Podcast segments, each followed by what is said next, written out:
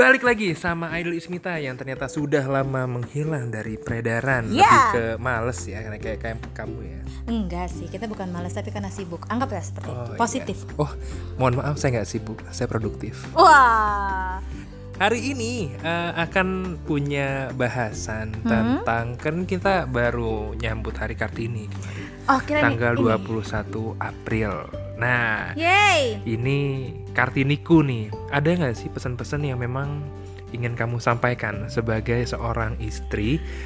Kamu sekarang selaku apa ya? Ibu rumah tangga iya.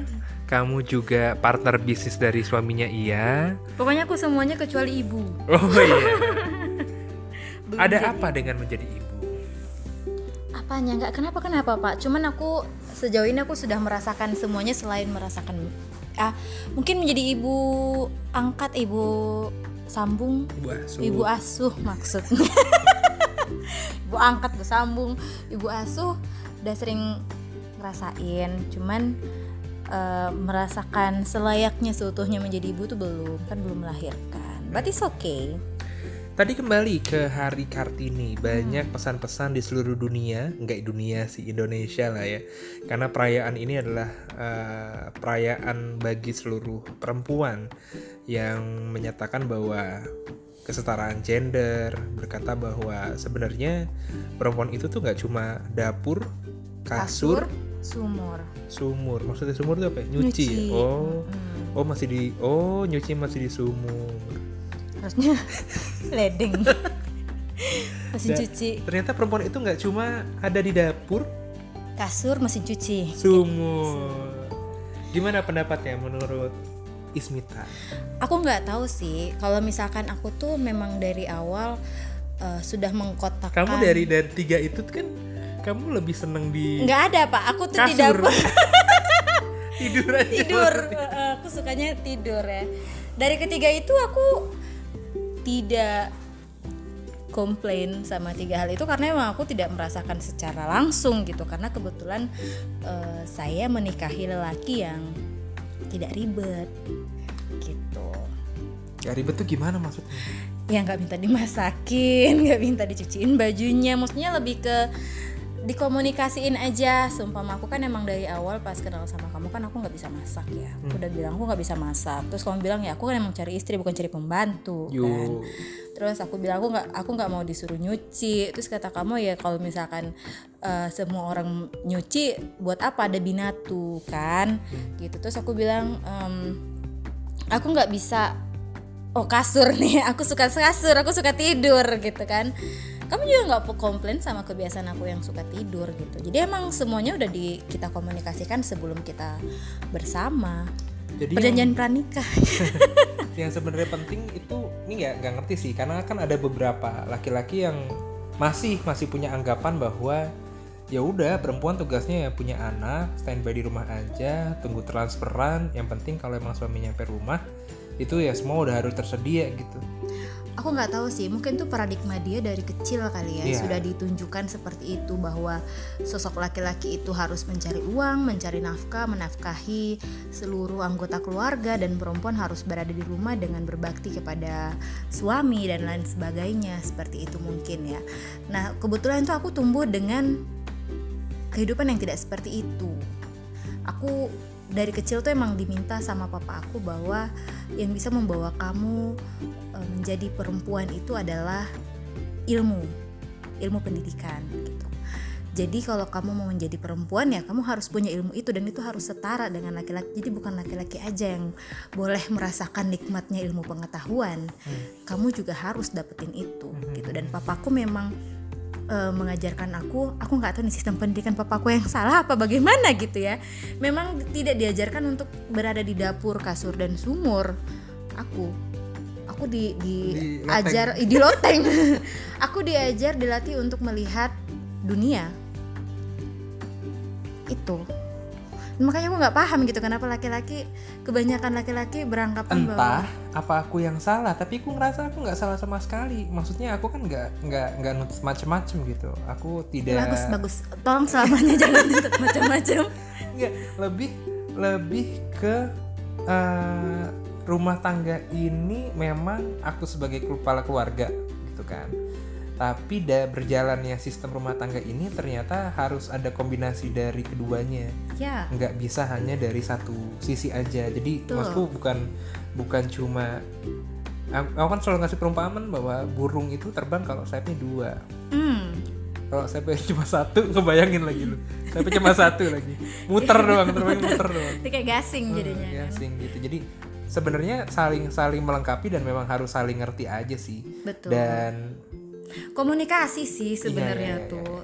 sebenarnya soalnya soalnya ada banyak sebenarnya gini ini bukan ini bukan bukan kita jadiin masalah. Cuma sekali lagi aku tuh sering nganggap sesuatu tidak berjalan dengan eh, benar atau bahkan semestinya tidak berjalan baik itu saat sudah ada keluh kesah. Hmm. Ini nggak apa-apa kalau memang ternyata dua-duanya berkomunikasi dan saling terima Hmm. misalnya ternyata oh ya udah ternyata aku cari nafkah kamu ternyata standby eh, di rumah gitu Hmm. kita udah komunikasi dan fix seperti itu dan kamu juga terima it's okay nggak apa-apa yes Tapi cuma kan yang banyak terjadi adalah itu tidak komunikasi iya dilakukan seperti itu tapi update update sosmed ah nggak ngerti apa capek ngurus anak kayak gitu-gitu Oh, iya, ngerti iya, nggak sih bener. Ah, padahal kan itu Kok- udah dikomunikasiin gitu ya. kok dia nggak ngerti sih gitu. Jadi ada ada satu sisi nganggep bahwa eh, berada ini di rumah. ini ini tuh salah gitu. Padahal itu nggak apa-apa kalau ternyata dua-duanya setuju lebih ke situ Iya sih. iya iya. Betul betul banget. Toh juga kayak aku kan aku emang dari awal kamu tau aku nggak bisa di rumah. iya makanya aku tidur di rumah kamu di luar.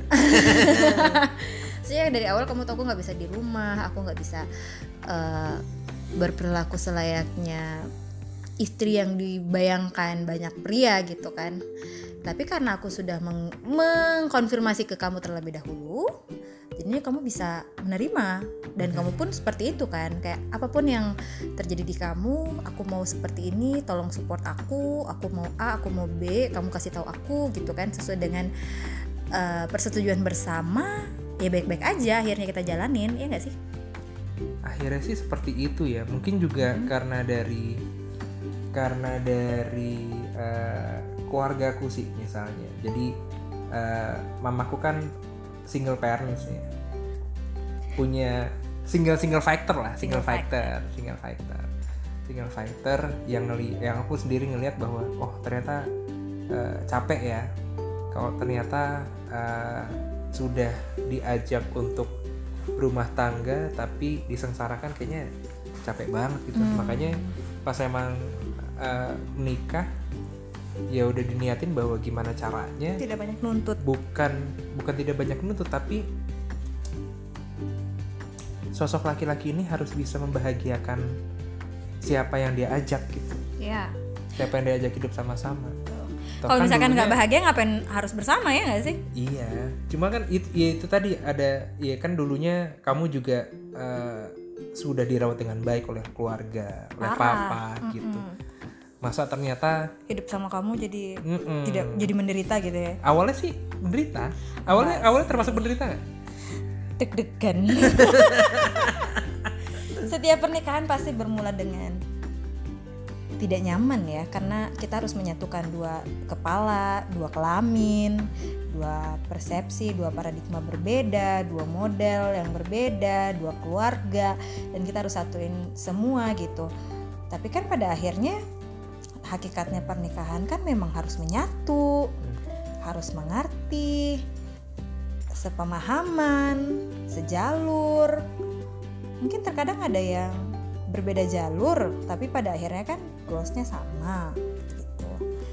Pada akhirnya kan aku juga happy happy aja gitu. Sampai ada orang yang bilang sama aku, "Eh, Inces, hidup kamu tuh udah cukup, sudah sangat bukan sudah cukup malah, tapi sudah sangat bahagia." Terus aku bilang, "Iya, bahagiaku aku sama suamiku yang ciptakan. Aku tidak hidup dengan kriteria standarisasi manusia pada umumnya. Aku hidup dengan standar kebahagiaanku yang sudah kutetapkan bersama suamiku." Jadi sebenarnya kita perlu punya standar cukupnya sendiri. Iya, itu kata Mbak Tati juga, teman kata kawan kita Mbak Tati. Bukan sekedar bersyukur, tapi setiap hidup yang kita jalanin, kita harus punya standar kecukupan kita sampai di mana. Dan selama ini kita bersama, aku selalu, kamu paling tahu lah kan, kamu paling paham lah istri kamu seperti apa gitu kan. meskipun orang bilang Inces kayak gini-gini kamu lebih paham aku gitu karena ya kamu tahu istri kamu sudah aku dari awal sudah menetapkan standar cukup aku tuh segini Hmm. Oke. Ya, itu sih catatan catatan penting juga ya standar, standar cukup. Hmm. Sebelum ditutup. Karena memang ini bisa akan didengar juga oleh para eh, perempuan, perempuan hebat, Di para ibu-ibu hebat, para istri-istri hebat yang terkadang masih eh, mengecilkan dirinya bahwa Hmm. menunggu untuk dimengerti. Oke, nih catat dulu nih. Kadang banyak yang ngerasa bahwa menunggu untuk dimengerti, padahal semua bisa selesai lewat komunikasi. ya Kadang nggak ada, kadang tidak tidak memiliki keberani, keberanian, keberani. Biasa biasa nulis nulis nulis eh, caption nih. Kadang nggak memiliki keberanian untuk nyampein pesen apa yang memang sebenarnya dirasain. Hmm. Padahal kan ya sampein aja. Mungkin ada rasa takut kali apa gimana ya. Pesan terakhir dari Ismita buat teman-teman perempuan, para para ibu, para istri yang ternyata mereka tuh nggak sendiri ya dan mereka harus berani. Aku sih biasakan untuk banyak membaca, banyak belajar, perluas literasi karena suami juga menyukai istri yang berpendidikan bukan? Itu kan juga ada hadisnya kalau nggak salah ya. Iya, aku Ibu. lupa. Ini karena kita tidak Ya seperti itulah pokoknya. kurang literasi Kurang religi. literasi agak religinya ya. Tapi pada dasarnya adalah eh, karena ini berdasarkan pengalaman pribadi aku, suami aku tidak bertindak semena-mena dan sedang-menang atas hidup aku. Pergi kamu. Oh, Wah. mana berani dia ngomong gitu kan? Aku yang pergi.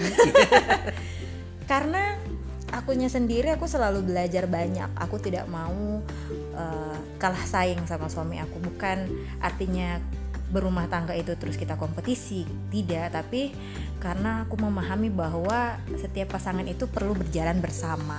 Kalau suami aku sudah satu tingkat, berarti aku harus mengejar dua tingkat biar secepatnya bisa bersama dengan suamiku. Bukannya kebahagiaan seperti itu kan? Jadi teman-teman di luar sana, perempuan di luar sana coba banyak belajar. Jangan berhenti karena sudah menjadi ibu, terus karena kesibukannya terus tidak ada waktu. Alasannya saya tidak punya waktu untuk membaca Mbak Ismita, saya tidak punya waktu untuk belajar Mbak Ismita.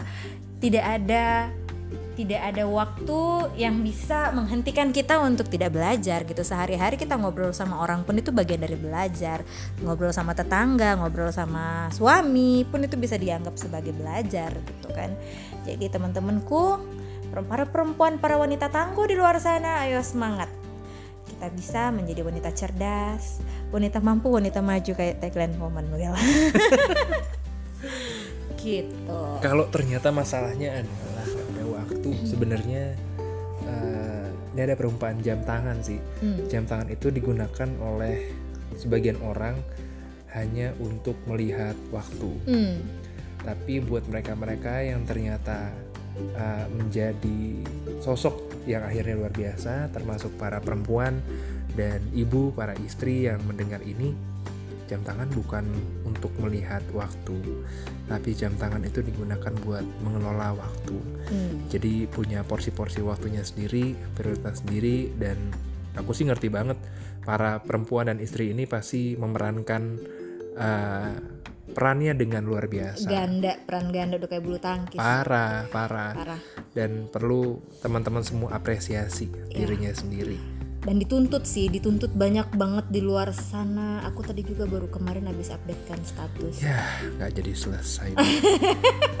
nanti lah ya kita lanjutkan kalau begitu panjang banget kayaknya pembahasan aku Kebiasaan. tapi intinya perempuan di luar sana jangan jangan takut karena banyak tuntutan baik di keluarga maupun di luar gitu masyarakat di luar sana gitu jalani kehidupan kalian kita sesuai dengan apa yang kita pengen gitu jangan dengarkan ocehan orang lain orang lain tuh nggak tahu hidupnya kita gitu Iya, kadang Hmm. kita jadi nggak berani ngambil keputusan karena eh nanti kata tetangga tuh apa, nanti kata si ibu Ah. ini itu apa. Padahal bahagianya teman-teman itu ada di dilihat dari dirinya sendiri itu bukan dipegang sama orang lain. Oke okay, itu okay. aja. Thank you. Sampai ketemu lagi di podcast berikutnya. Bye, bye, -bye.